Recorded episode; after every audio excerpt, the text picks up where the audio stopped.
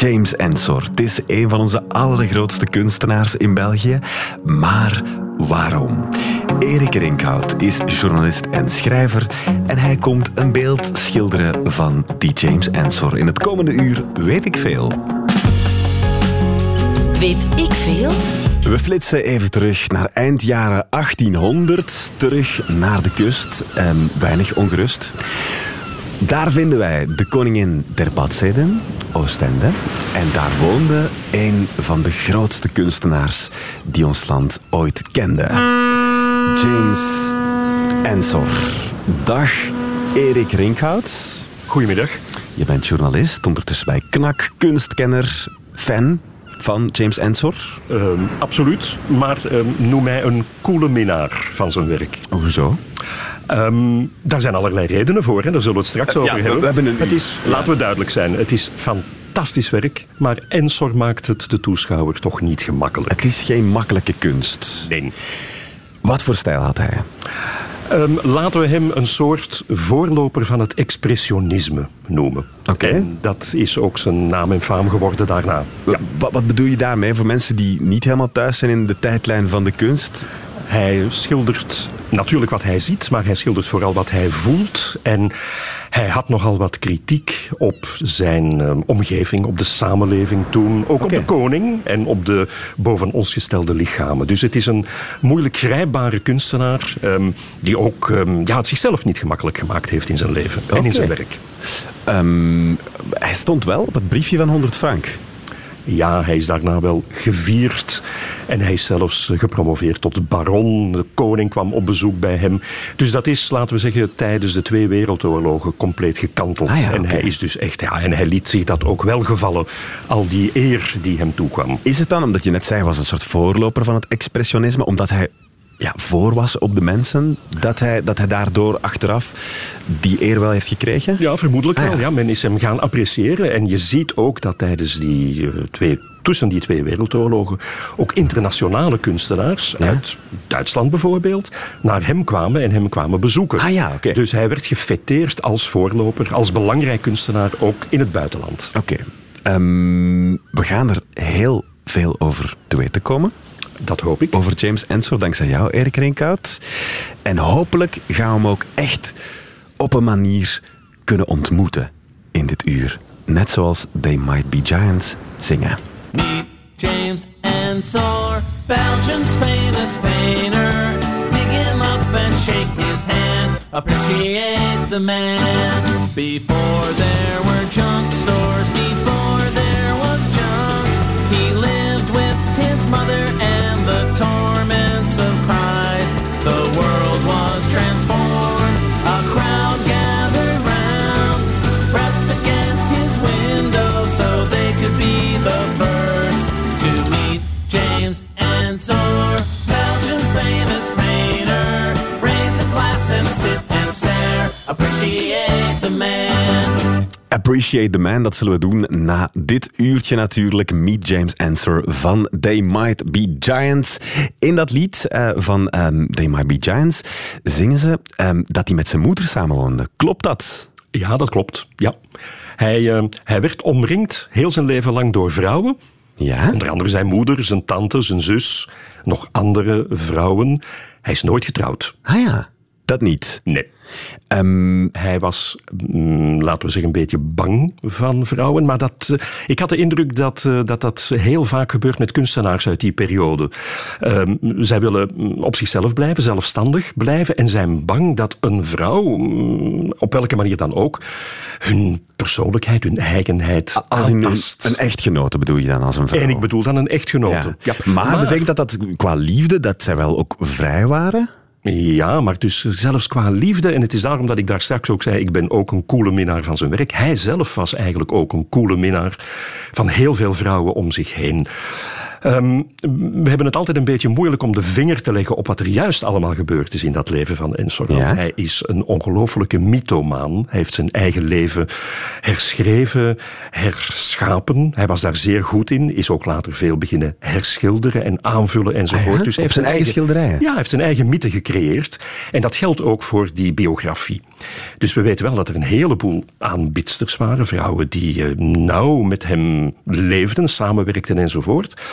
Maar er is, over dat amoureuze aspect weten we eigenlijk niet veel. Er is een Augusta Bogaerts bijvoorbeeld, een bijna levenslange partner, waarvan men vermoedt dat er wel iets amoureus ooit is geweest, maar tegelijkertijd blijft hun briefwisseling zeer afstandelijk. Ah ja. Oké. Heel bizar. Dat is misschien ook typisch voor die eind jaren 1800 of zo. Wel, ik had ook die indruk, kijk naar Edvard Munch, mm, vergelijkbaar. Eh, dus ook daar die afstand, die moeilijke relatie met vrouwen. Getormenteerde enzovoort. kunstenaar. Een getormenteerde kunstenaar die alleen wil zijn en Ah. alleen dat geniale kan bereiken. Misschien moeten we beginnen met de dingen die we wel zeker weten over hem. Ehm, Oostende was zeer belangrijk. Absoluut. Was hij van geboorte Oostendenaar? Ja, hij, eh, maar zoals zijn naam ook aangeeft, James Ensor. Zijn vader was ook James Ensor, Ah, ja. een, een Brit, aangespoeld eh, in België. Een zeer intelligente man met een alcoholprobleem. Vrij vroeg gestorven. Ehm, James, onze James Ensor keek op naar zijn vader, was ook een beetje angstig voor zijn vader. James Ensor spoelt aan in België en trouwt met een Vlaamse Oostense vrouw. En onze James Ensor wordt dus geboren in de Lange Straat in Oostende Oké, in 1860. bekendste- oké. Ja, de, de, de ons niet onbekende Lange Straat. hè? absoluut. Ehm, 1860, dat is België nog niet zo oud, 30 jaar oud. Ehm, is Leopold II dan aan de macht? Ja, Leopold II is aan de macht en zal een aantal keren in karikaturen van Ensor voorkomen. Eh, ook een bekende Oostendenaar, Leopold II. Ehm, Leopold II heeft Oostende geschapen, zullen we maar zeggen. Ah. Gecreëerd, de koningin der badsteden. Want op het moment dat James Ensor geboren wordt, 1860, is Oostende eigenlijk een kleine visserstad, vestingstad. Oké. En het is onder Leopold II dat die vestingen zullen afgebroken worden. Oostende is als militaire plek niet zo belangrijk meer. En naar Engels model, denk aan Brighton bijvoorbeeld, wordt ook Oostende een badplaats. Internationaal, we mogen dat niet onderschatten. Eh, Oostende groeit zeer snel. Tot de koningin der badsteden. De dijk wordt volgebouwd met gebouwen met torentjes, met grote hotels, Mhm. het casino enzovoort. Als je ziet hoe het eruit zag, een beetje Anton Pieck-achtig allemaal. Hè, met veel torentjes en tirlantijntjes. Tom Pieck is die man van de kabouters, toch? Ehm, nee, dat was iemand anders. Maar Anton Pieck is ook iemand die, die zo eh, ja, bijna archetypische, mythische, mooie kleine dorpjes heeft, eh, heeft geschilderd en getekend. Oostende zag er zo uit, maar had een internationale aantrekkingskracht. Dus in, in de zomer was dat een van the places to be in Europa. En dat, ziet, dat ziet Ensor allemaal gebeuren met zijn Oostende, waarin hij eh, groot wordt. Ja. Maar hij verlaat Oostende ook af en toe, niet vaak. Want het is een echte Oostendenaar. Maar hij gaat in Brussel studeren. Er zijn ook Antwerpse connecties. maar Oké. Dat is al later in zijn leven. Maar hij zal altijd in Oostende blijven wonen en er ook overlijden. Oh, hij is oud geworden ook, hè? Heel oud, 89. Hij sterft in 1949. Dus hij maakt twee wereldoorlogen mee. Dat is eh, qua leven, qua, qua wat, wat die man heeft meegemaakt, dat, is, dat moet ongelooflijk geweest zijn. Hè? 1860, al, alle ja, de veranderingen qua, qua sociale bewegingen, eh, de, de Eerste de Wereldoorlog, het- ongelooflijk. Het is heel goed dat je dat zegt, want dat zijn allemaal zaken die hij in zijn werk uitbeeldt en ook bekritiseert. Dus hij maakt de massabewegingen mee, de opkomst van het socialisme, Ja. de industrialisering, het toerisme ook. Dat komt allemaal voor in, eh, in zijn werk. Dus in dat opzicht is hij bijna een soort seismograaf van zijn tijd. Historisch Hij- schilder. Ja. Ehm, ik heb een quote van Ensor over zijn eigen Oostende en over hoe die plek ook veranderd is. Hij spreekt ook een soort van ja, Oostend, laat ons zeggen. Ik moet je niet zeggen dat Oostende een klein steedje was. Er liepen rare typen in Oostende. Vele venters en wievers. Ze hadden alle gelapte namen. En vele liedjes werden gezongen in de Oostense getalen om ze te plagen en nu te lachen. Hier enige namen. Ja? Jantje Adams, Zwin Barlet, Pietje de Klinker, Schele Sissen, Zotte Neugijn, Jan Paljas. Schele Sussen, Jan Paljas waren allemaal figuren uit dat Oostende van toen. Ik vind het wel een grappige man. Was hij dat ook? Mm, eh, dat weet ik niet. Ik heb hem natuurlijk ook nooit gekend. Nee, nee, maar had, had hij humor? Wa- Was, stond hij daar bekend om of was het toch eerder een soort van zonderling? Ja, dat- hij werd toch in Oostende eerder als een soort zonderling eh, beschouwd. Het was The Man in Black, voor alle duidelijkheid. Hoezo? Hij ging altijd in het zwart gekleed. En ja, die man in black doet mij dan weer aan Johnny Cash denken. En ook aan dat ene nummer van Arno, hè, Elle adore le noir. Hij werd Ja? zelfs soms later de Zwarte Madame genoemd in Oostende. Maar goed, wat we nu horen zijn Oostends, voor alle duidelijkheid. James Ensor sprak of Frans. Hij was in het Frans grootgebracht, wat toen in België niet abnormaal was. In de hogere kringen werd Frans gesproken. De kringen waarin hij zich ook bewoog, Mhm. in Brussel en in Antwerpen. En voor de rest sprak hij het lokale dialect. Ja. Hij sprak Oostends natuurlijk. En maakte hij daar in Oostende ook deel uit van een soort kunstscene, of was hij echt alleen? Mm, Hij is, hij is alleen. ehm, er zijn natuurlijk, er is later de jongere Spiljaard natuurlijk. hè. Er zijn wel contacten geweest, maar het waren twee totaal andere mensen. Maar in dat kleine Oostende konden zij elkaar natuurlijk niet mislopen. Hè. Maar Spiljaard was jonger. En Spiljaard was een up-and-coming. En was misschien ook wel een zekere concurrent voor, voor Spiljaard. Maar nogmaals, twee totaal verschillende mensen. Spiljaard, zijn vader was een parfumier in Oostende. In de Kapellenstraat. Het huis bestaat helaas niet meer. Terwijl de ouders van eh, Ensor een schelpenwinkel, een souvenirwinkel uitbaten. Kon je daarvan leven dan? Van... Zij konden daarvan leven op dat moment. Ja. Dus schelpen, souvenirs, allerlei vreemde dingen, opgezette zeedieren, opgezette vissen enzovoort.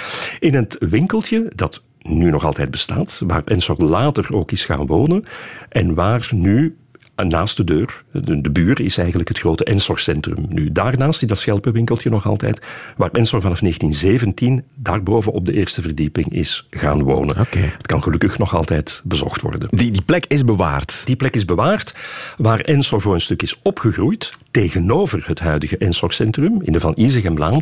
Dat is helaas afgebroken. Dus dat was een heel mooi groot appartementsgebouw, waar Ensor in zijn jonge jaren een kraaiennest had. Zijn eerste atelier was helemaal op de bovenste verdieping, waar hij een prachtig zicht over de stad had. En hij heeft die stad ook heel vaak geschilderd en getekend. Getekend wat hij op straat zag, de koetsen, de mensen die gewoon wandelden, de passanten, de, de toeristen ook natuurlijk.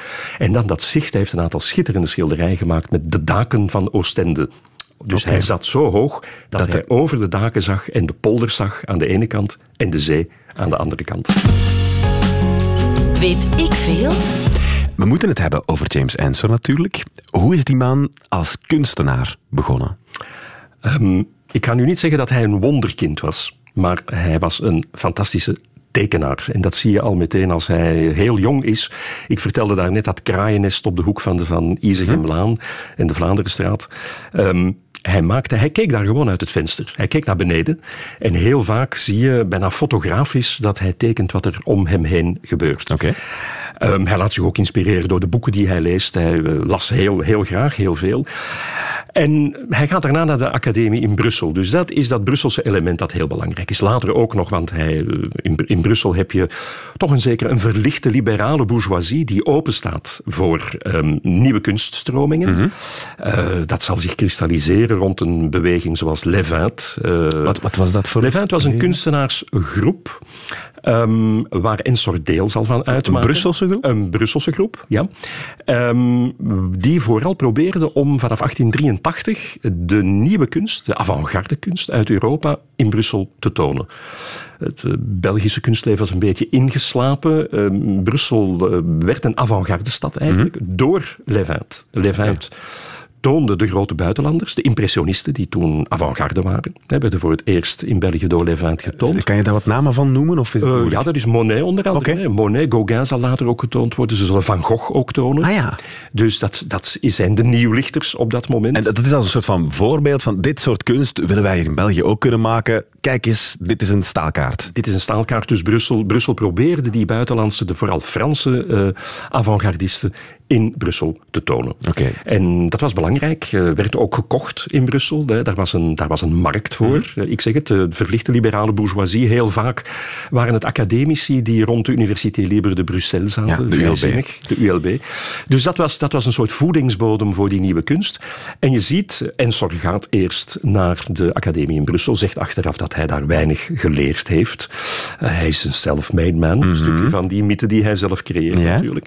Hij zal daar wel wat geleerd hebben natuurlijk. Maar hij legt daar ook die Brusselse contacten en die blijven heel zijn leven heel belangrijk. De familie Hanon bijvoorbeeld. eh, ehm, mensen die... eh, Theodore Hanon was eh, een werknemer, maar een belangrijke werknemer bij Solvay. Oké. Dus het is, zijn kapitaalkrachtige, kapitaalkrachtige burgers ook natuurlijk, die Art Nouveau-huizen laten bouwen, door Horta, later ook door Van de Velde of door Bruinfaux. Dus je ziet, dat is die verlichte bourgeoisie die ook die nieuwe kunst in huis wil halen. Oké. En Ensor, Leert die mensen kennen en die mensen zullen later ook zijn werk gaan kopen. En dat beïnvloedt ook zijn stijl? Ehm, dat beïnvloedt zijn stijl. Hij zal langzamerhand evolueren. Dat zie je ook. Eh, ik zei daarnet, hij begint realistisch. En dat zie je. Je ziet, ehm, in het begin maakt hij veel marines, zeezichten in, in Oostende, de daken van Oostende. Maar toch, die poot die hij al heeft, die hand, die is toch wel heel apart. En je ziet dat hij, hij durft zeer ruw schilderen. En dat ruwe, dat moet ik toch wel heel even zeggen, dat ruwe, dat soms ingaan tegen de goede smaak, zelfs in die realistische schilderijen, die soms bijna naar het abstracte zwemen, die blijft voor sommige mensen ook in het buitenland. Ik sprak een tijdje geleden met mensen uit Parijs en Londen, die dus bijvoorbeeld zeggen, ja, Ensor, we kunnen dat wel goed vinden, maar we zullen hem nooit heel graag zien. Dat is, het zijn te dikke Het, borstelstreken. zijn, het is onaf. Ze vinden het onaf. Ze vinden het veel te dik, het te veel paletmes gebruikt enzovoort. En Maakt het dat ook Belgisch? Of Dat van maakt bij ons? voor een stuk Belgisch. En hij gaat ook echt in tegen die goede smaak. Hij zal later bijvoorbeeld, heel, heel leuk... Hij tekent zichzelf ehm, als hij 100 jaar is, als een skelet. Heel raar. Dus hij, schildert, hij tekent zichzelf urinerend tegen een muur. Dat zijn natuurlijk dingen die de goede gemeente niet zo prettig vindt. Dat is heel dorps, hè? Dat is dorps, maar hij gaat dus in tegen die goede smaak. En je zult later ook zien, hij evolueert dus. En hij zoekt, hij zou Londen bezocht hebben. Hij zou het werk van William Turner daar gezien hebben, de schilder van het licht. En dan zie je plotseling dat in dat werk van, van Ensor het licht enorm belangrijk wordt. Ehm, het feit dat hij mm, ingaat tegen de goede smaak, karikaturen ook maakt tegen de Belgische koning. Ja? Onder andere Leopold II zet hij bijna letterlijk te kakken in een, in een karikatuur naast vertegenwoordigers van het gerecht, een vertegenwoordiger van de kerk enzovoort, die echt hun gevoeg doen op het volk. En doet hij dat dan om in een krant te publiceren? Of? Hij is, hij is iemand die wild om zich heen schopt. Ehm, omdat hij allerlei dingen ziet gebeuren in zijn eigen stad die hem niet zo zinden. Onder andere dat toerisme, dat, eh, dat boomt. In, Ah ja, dat in- vond hij niet goed. Dat vond hij niet goed. Er komt veel te veel volk. Eh, Zullen ze bij het Ensorhuis graag horen? Er komt veel te veel volk naar zijn stadje. Oké. Ehm, hij, hij maakt daar ook karikaturen van. Hè. Er is die karikatuur eh Baden te Oostende, waar hij honderden mensen tekent in, in de zee, in de Noordzee. Eh, vrouwen die uit de badkoetsen komen, de badkoetsen die tot aan, het, eh, tot aan de zee werden getrokken, zodanig dat de, de, de, vooral de vrouwen zedig in badpak in zee konden stappen. Maar hij, hij maakt daar echt karikaturen van kussende koppeltjes, eh, een, een pastoor die met een verrekijker zit te kijken naar de mooie vrouwen, eh, mensen die winden laten in zee enzovoort. Dus ja, hij maakt eigenlijk heel dat toerisme belachelijk. Is dat ook het beeld dat we zien op dat oude briefje van 100 frank? Die badkoetsen staan daarop en dat is een fragment van Baden in Oostende. Ah ja, oké. Ja, Dat, dat briefje van 100 frank is echt iconisch. Hè? Het is, we zijn het natuurlijk al ja, meer dan 20 jaar kwijt. Maar dat blijft in mensen herinnering wel een soort van eerste kennismaking met Ensor. Was dat ook een goede kennismaking? Staan daar de juiste dingen op? Ja, er staat een zelfportret op. En voor de rest heb je die badkoetsen aan de ene kant, je hebt dat zeezicht aan de andere kant. En er staan ook de maskers op, want dat mogen we natuurlijk uiteraard niet vergeten. Dat is ook iconisch voor hem. Dat is iconisch voor hem. Hij, hij is de schilder van de maskers. Waarom? Wat, wat doet hij daarmee? Kijk, Corneel, dat is een heel goede vraag. Dankjewel. Ehm, ik weet dat ik dat niet mag zeggen in een interview, dat iets een goede vraag Mhm. is. Maar Meestal is dat omdat mensen dan niet weten wat het antwoord is. Wel, het antwoord is, het antwoord is zeer moeilijk. Ehm, Ja. Er zijn kunsthistorici die zeggen, ehm, hij zoekt een soort niche. En hij vindt die. Hij kent die maskers natuurlijk van het carnaval en van de winkel van zijn ouders. Ah, zij verkochten ook van die maskers. Daar ook verkocht. Oké, ja. Dus het is mogelijk dat hij daarom die maskers is beginnen incorporeren in zijn werk. Dus een, een soort, ehm, hoe heet dat, unique selling proposition. Mhm, Hè, Hij zoekt, hij zoekt een, een, een handelsmerk. Want het zijn, het zijn niet zomaar maskers. Hè. Het zijn echt wel heel sprekende maskers, soms heel angstaanjagende maskers, lange neuzen, een beetje en gruwelijk. daarom, daarom denk ik dat er ook een andere verklaring is. Wat ik zei, hij ehm, vindt dat toerisme maar niks. Hij vindt tegelijkertijd heeft hij ook een beetje angst voor die massabewegingen die ontstaan rond de jaren 1880. De sociale beweging, de arbeidersbeweging Ja. ontstaat. Er is ook repressie daarvoor. Ehm, het militaire aspect. Er gebeurt van alles in dat België van, van 1880. Ja, er zijn protest tegen het opstanden. stemrecht en zo, mensen worden neergeschoten. Absoluut. Dus dat ziet hij allemaal, ook in Oostende gebeuren. Want er is een staking van vissers waar de gendarmerie ingrijpt. En hij zet zich tegen alles een beetje af. Daarom zei ik, hij schopt wild om zich heen. Dus hij bekritiseert die massabeweging, de arbeidersbeweging, vindt hij toch maar niks. Maar tegelijkertijd bekritiseert hij ook dat optreden van de Rijkswacht. Waar was hij dan voor, Erik? Eh, heel moeilijk, hè, moeilijk. Heel moeilijk om je, om je vingers eh, op Ah, ja. te leggen. Dus zoals ik zei, hij is zo'n beetje de angry young man. De Ja. rebel, maar with a cause in dit geval. Ah, ja. Of met different causes Ja, in elk ja. geval. Maar dus die maskers staan dan ook voor... Die maskers die staan ook voor de hypocrisie, volgens mij. De hypocrisie aan de ene kant. Aan de andere kant kun je dan ook weer zeggen... ja, maar die maskers vertellen ook heel veel voor, over de mens die achter dat masker schuil gaat. Dus het is allemaal heel dubbelzinnig. En hij heeft bijvoorbeeld een, een van zijn iconische schilderijen... is De Intrigue. Hangt in het Koninklijk Museum voor Schone Kunst in Antwerpen... waar ze een zeer grote eh Ensor-collectie Dat hebben. is het KMSKA het daar. KMSKA. En ze hebben de grootste Ensor-collectie ter wereld in schilderij en tekeningen. Dus die intrigue is daar en ook dat blijft een bijzonder geheimzinnig schilderij. We denken dat het verwijst naar het huwelijk van zijn zus, Mietje. Ze heette Marie, maar... Mietje. Mietje genoemd. Mietje, ja. M-I-T-C-H-E geschreven. Oké. Mietje. Die... eh, huwt op een bepaald moment met een, met een Chinees. Dat is een kortstondig huwelijk, maar hij schildert... De jaren, 1800, en jaren 1800 met een Chinees trouwen. Ja, ja, met een Chinese handelaar. Dat is wel Die- bijzonder, toch? Dat is bijzonder. Ja, eh, Elschot, eh, eh, Ensor vond dat ook heel bijzonder. Maar eh, hij maakt dus dat schilderij, eh, vermoedelijk met een afbeelding van zijn zus en haar aanstaande echtgenoot. Maar hij schildert dat dus voor dat huwelijk. Een huwelijk dat niet lang stand zal houden, maar het is bijna visionair. En hij maakt daar een soort parade, een soort carnavalsparade van. Daar zijn heel veel hypothesen over, maar dat blijft een heel geheimzinnig schilderij. Onder andere door die vele maskers. Pietje de Dood zit daar ook bij. Ehm, heel bizar allemaal. Het is alsof hij ook het, het, al het einde aankondigt van, van dat huwelijk. Maar tegelijkertijd ook de hypocrisie van het huwelijk. Zoals ik al In het gezegd. algemeen. Hij zal nooit trouwen. Ja, ja, ja. Geen, geen huwelijk aan zijn lijf. Is het een van die artiesten, eh, we hadden het net over Van Gogh, die tijdens zijn leven heel weinig verkocht heeft? Was dat in het geval van Ensor wel zo? Was hij populair terwijl hij leefde? Kon hij zijn schilderijen verkopen? Hij kon zijn schilderij verkopen. Hij had gelukkig, het heeft wel even geduurd, hè? want ook dat zit, zit in zijn eigen werk. Het feit dat hij beschimpt wordt, dat hij niet au sérieux wordt genomen, dat neemt hij allemaal mee. En ook dat verklaart zijn woede in een aantal karikaturen. Ehm, er zijn gelukkig een aantal mecenassen die opduiken. Eh, iemand is eh, Emma Lambot, eh, geboren in Luik, verhuisd met haar man naar Antwerpen, leert Ensor kennen en zal een van de vroegste ehm, kopers worden van zijn werk. Er is ook een zeer lange correspondentie met haar en zij blijven ook levenslang vrienden.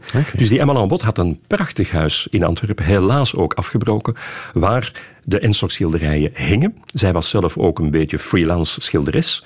En er zijn een aantal schilderijen die, zij- die zij gemaakt heeft van haar eigen kamer met de Ensor schilderijen. Ah ja, oké. Via Al aan bod zal er een link komen naar de familie Frank in Antwerpen, mecenassen ook, Kunst van Heden. En Kunst van Heden zal later een van de grote propagatoren worden van, van Ensor. Maar dan zitten we al in het interbellum. Oké. Tegelijkertijd is er, zoals ik zei, die verlichte Brusselse bourgeoisie, de familie Hanon onder andere, die ook Ensor zullen blijven steunen. En hij, hij vindt uiteraard via Levint ook een, een, een uitweg naar Brusselse kopers. Ja. Hij is ook eh, muzikant geworden. Hij heeft van Emma Lambot op een bepaald moment een harmonium ten geschenke gekregen. Wat is dat, een harmonium? Een harmonium is een soort orgel. Ehm, er zijn heel veel foto's van hem aan dat orgel in zijn huis, ehm, boven de Schelpenwinkel. En het merkwaardige is dat hij op een bepaald moment vond dat hij een belangrijker componist en muzikant was dan schilder. Hij Ah, heeft ja. gecomponeerd, walsjes. Hij heeft ook een ballet gecomponeerd, waarvoor hij natuurlijk als kunstenaar zowel de decors als de, de kostuums ontworpen heeft. Het is ook opgevoerd. Het is een soort ballet pantomime La Gamme d'Amour. Oké. Ik heb hier een stuk klaarstaan. eh, Marche des Rotariens. Dat zou dan de, de wandeling zijn van de Rotary Club. De Rotariens. Ehm, daar kunnen we misschien gewoon even naar luisteren. Want dit is dus een stuk gecomponeerd door de bekende schilder. Maar hij vond dus zelf dat hij een belangrijkere muzikant was. James Ensor.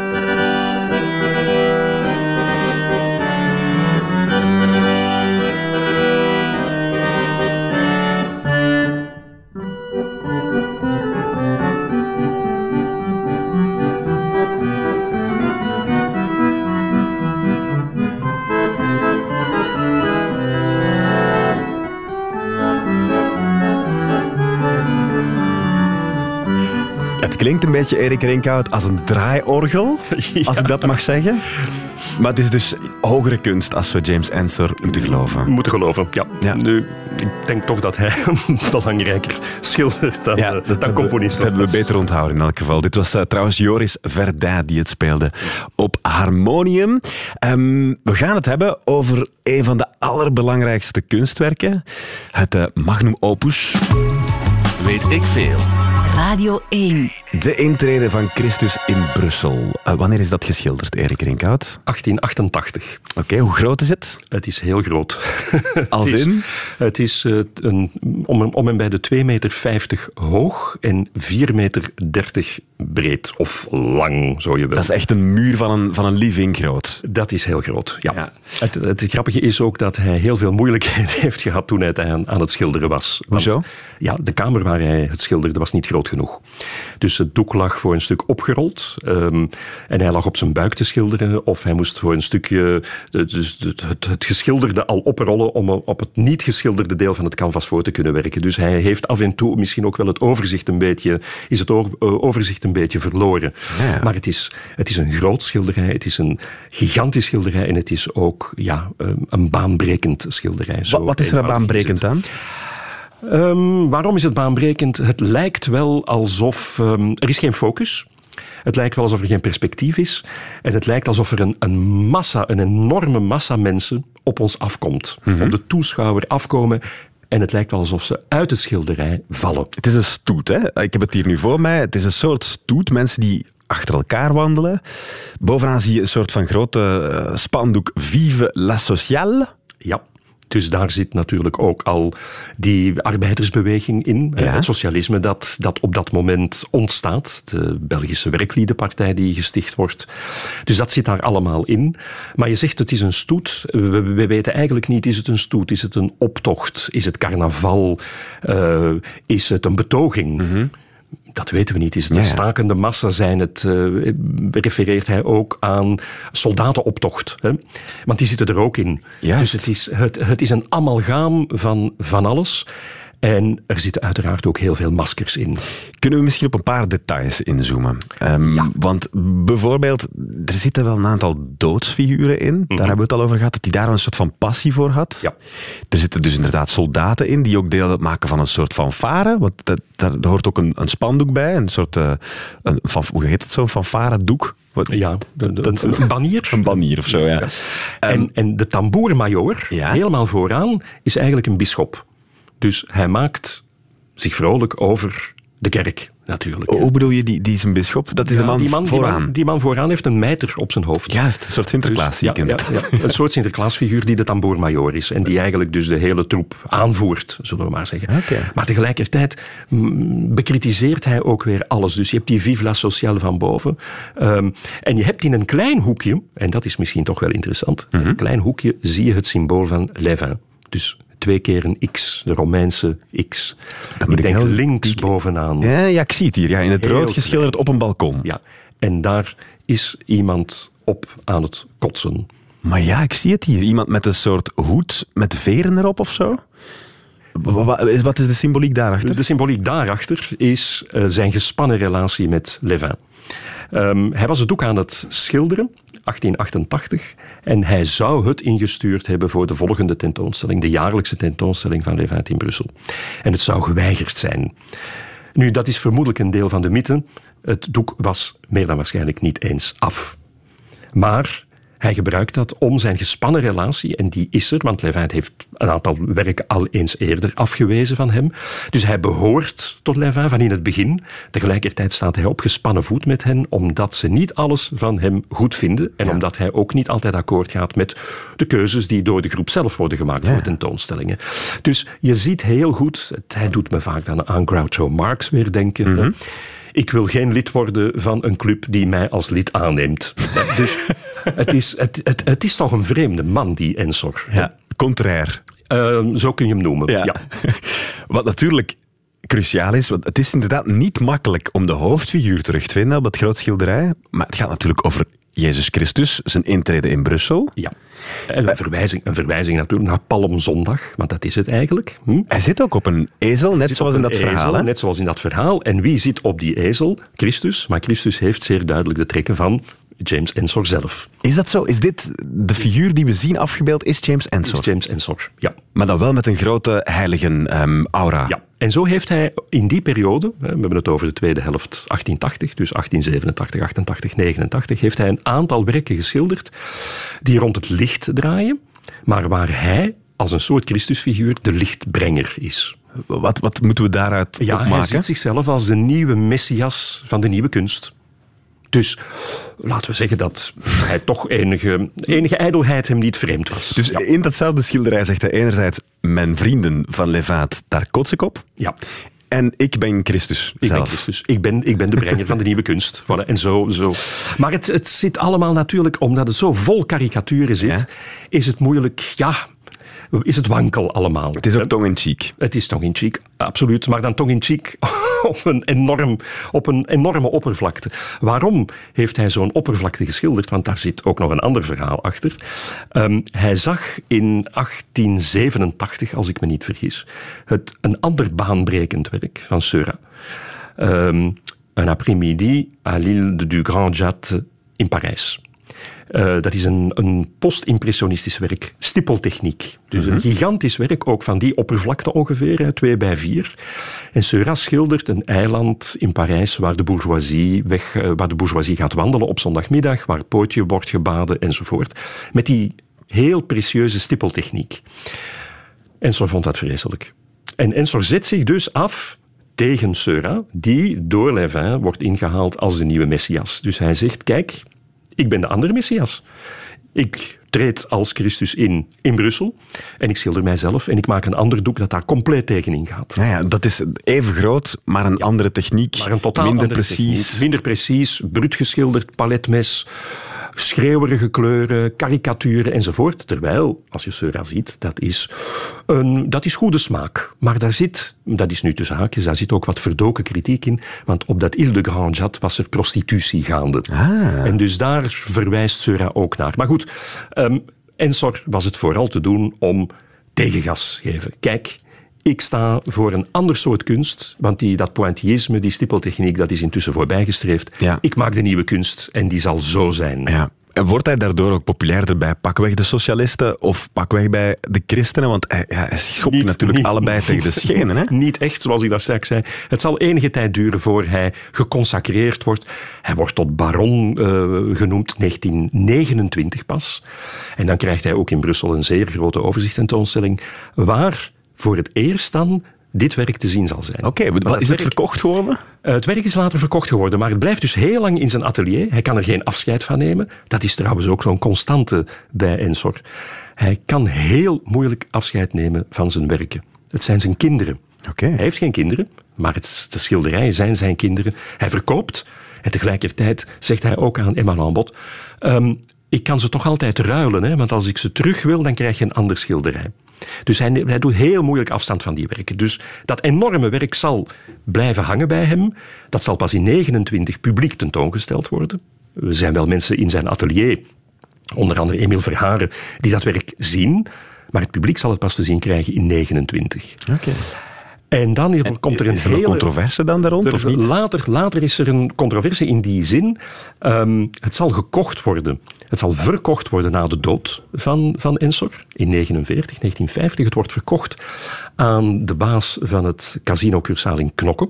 Het zal daar een tijd te zien zijn. Het wordt dan weer verkocht. En het komt terecht bij de familie Frank, waar ik het daar straks al over had. Rijke Antwerpse- mecenassen. Oké, ja.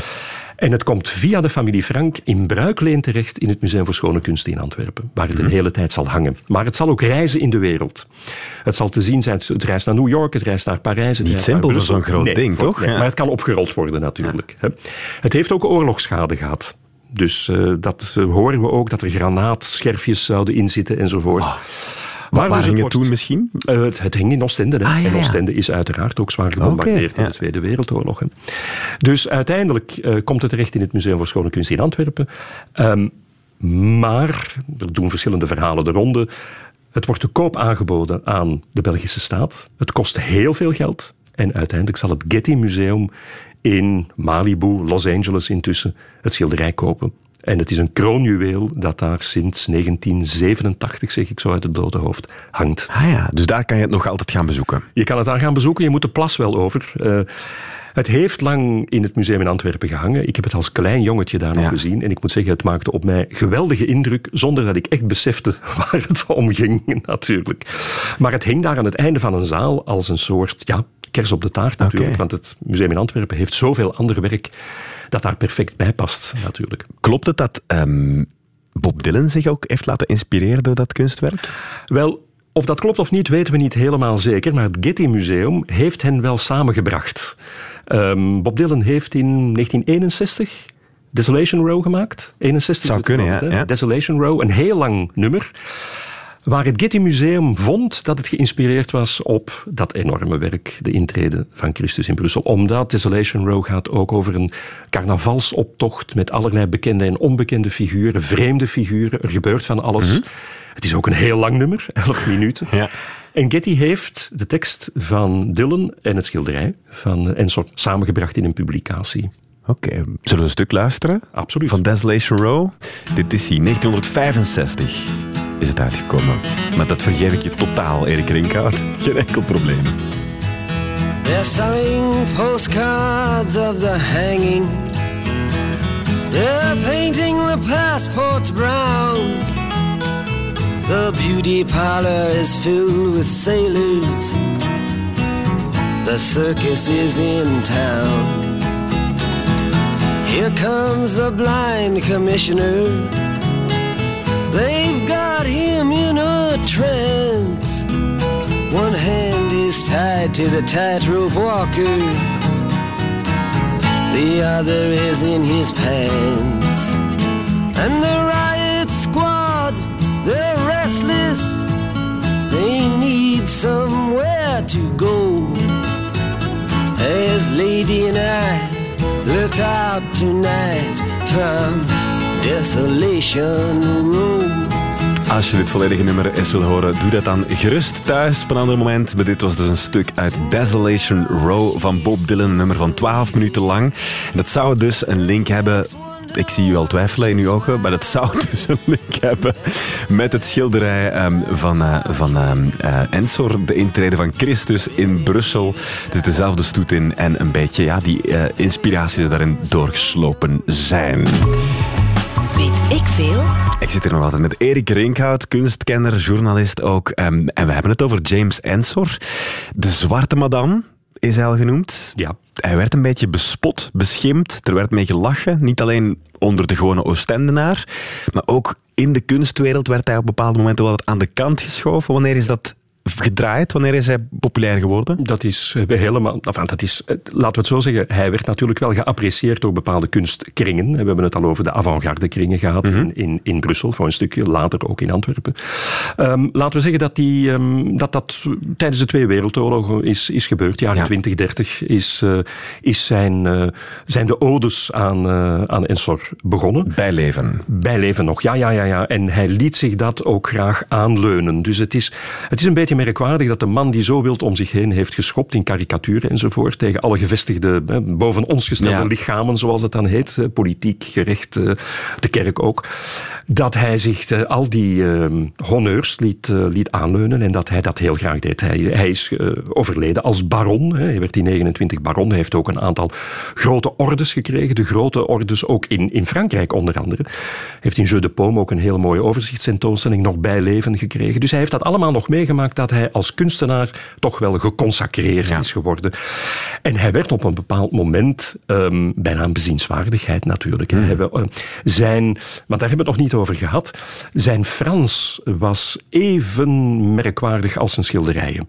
Dus hij eh, uitte zich in een soort Vlaams-Frans met allerlei neologismen. Ja, ja. Het is een beetje Ehm, Arno-achtig. Eh, daar zit zeker een link. Ja.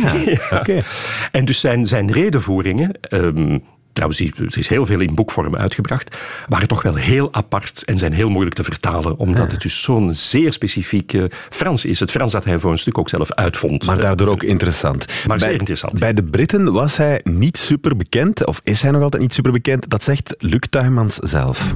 Het boeiende aan deze tentoonstelling in de Royal Academy is eigenlijk, en de zin daarvan is eigenlijk ook dat eh, eigenlijk de Engelse Ensor niet kennen. En, en daarmee ben ik redelijk razend kwaad geworden en heb ik ook aanvaard van die tentoonstelling natuurlijk te doen.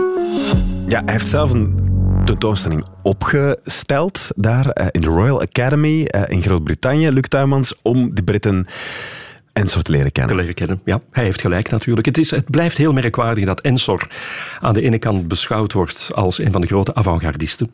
En ook in kunstkringen nog altijd. eh, hij werd bijvoorbeeld bezocht door de grote Duitse expressionisten.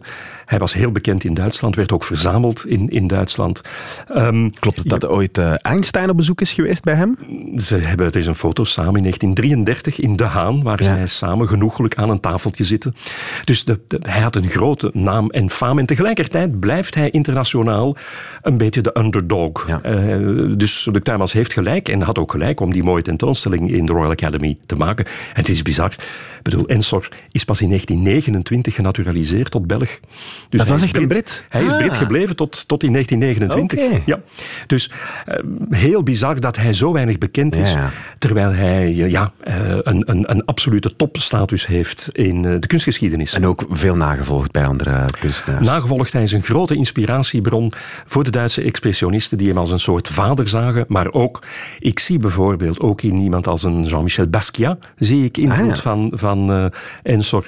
Eh, Fred Bervoets bij ons is een zeer grote fan. Ja. Eh, en zo, zo zijn er nog. Cobra. Cobra heeft zich ook geïnspireerd op Ensor. Volgend jaar is het het Ensorjaar, 2024. Dan is hij 75 jaar dood. Waar moeten we naartoe als we fan Ja, zijn van Ensor? hij staat volop in de schijnwerper. Eind dit jaar komt er al een tentoonstelling in het museum in Oostende, waar men gaat focussen op de stillevens Ja. van Ensor, want ook die heeft hij geschilderd op zijn eigen manier. Ehm, dan komt eh, Antwerpen. Ehm, in het Museum voor Schone Kunsten zal hij in een internationale context geplaatst worden. Dus hoe heeft het impressionisme Mhm. op hem ingewerkt en de andere ehm, stijlrichtingen tijdens zijn leven? Ja, KBR ook, heb ik gehoord. Daar wordt Ja. er ook van alles gedaan. Maar ik denk dat, dat er ja, overal van alles te doen zal zijn. Heel veel KBR in Brussel, Beaux-Arts ook in Brussel. In elk Eh, geval, Erik Rinkhout, heel erg bedankt. Want dit was een perfecte intro ehm, ja, tot Ensor. En Met vanaf plezier. nu, een heel jaar, gaan we er eh, naar uitkijken. Naar al die kunstwerken. Dankjewel en nog een fijne dag. Ja, tot ziens.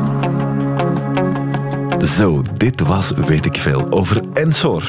Veel meer interessante podcasts vindt u via onze website VRT Max. Veel plezier. Weet ik veel?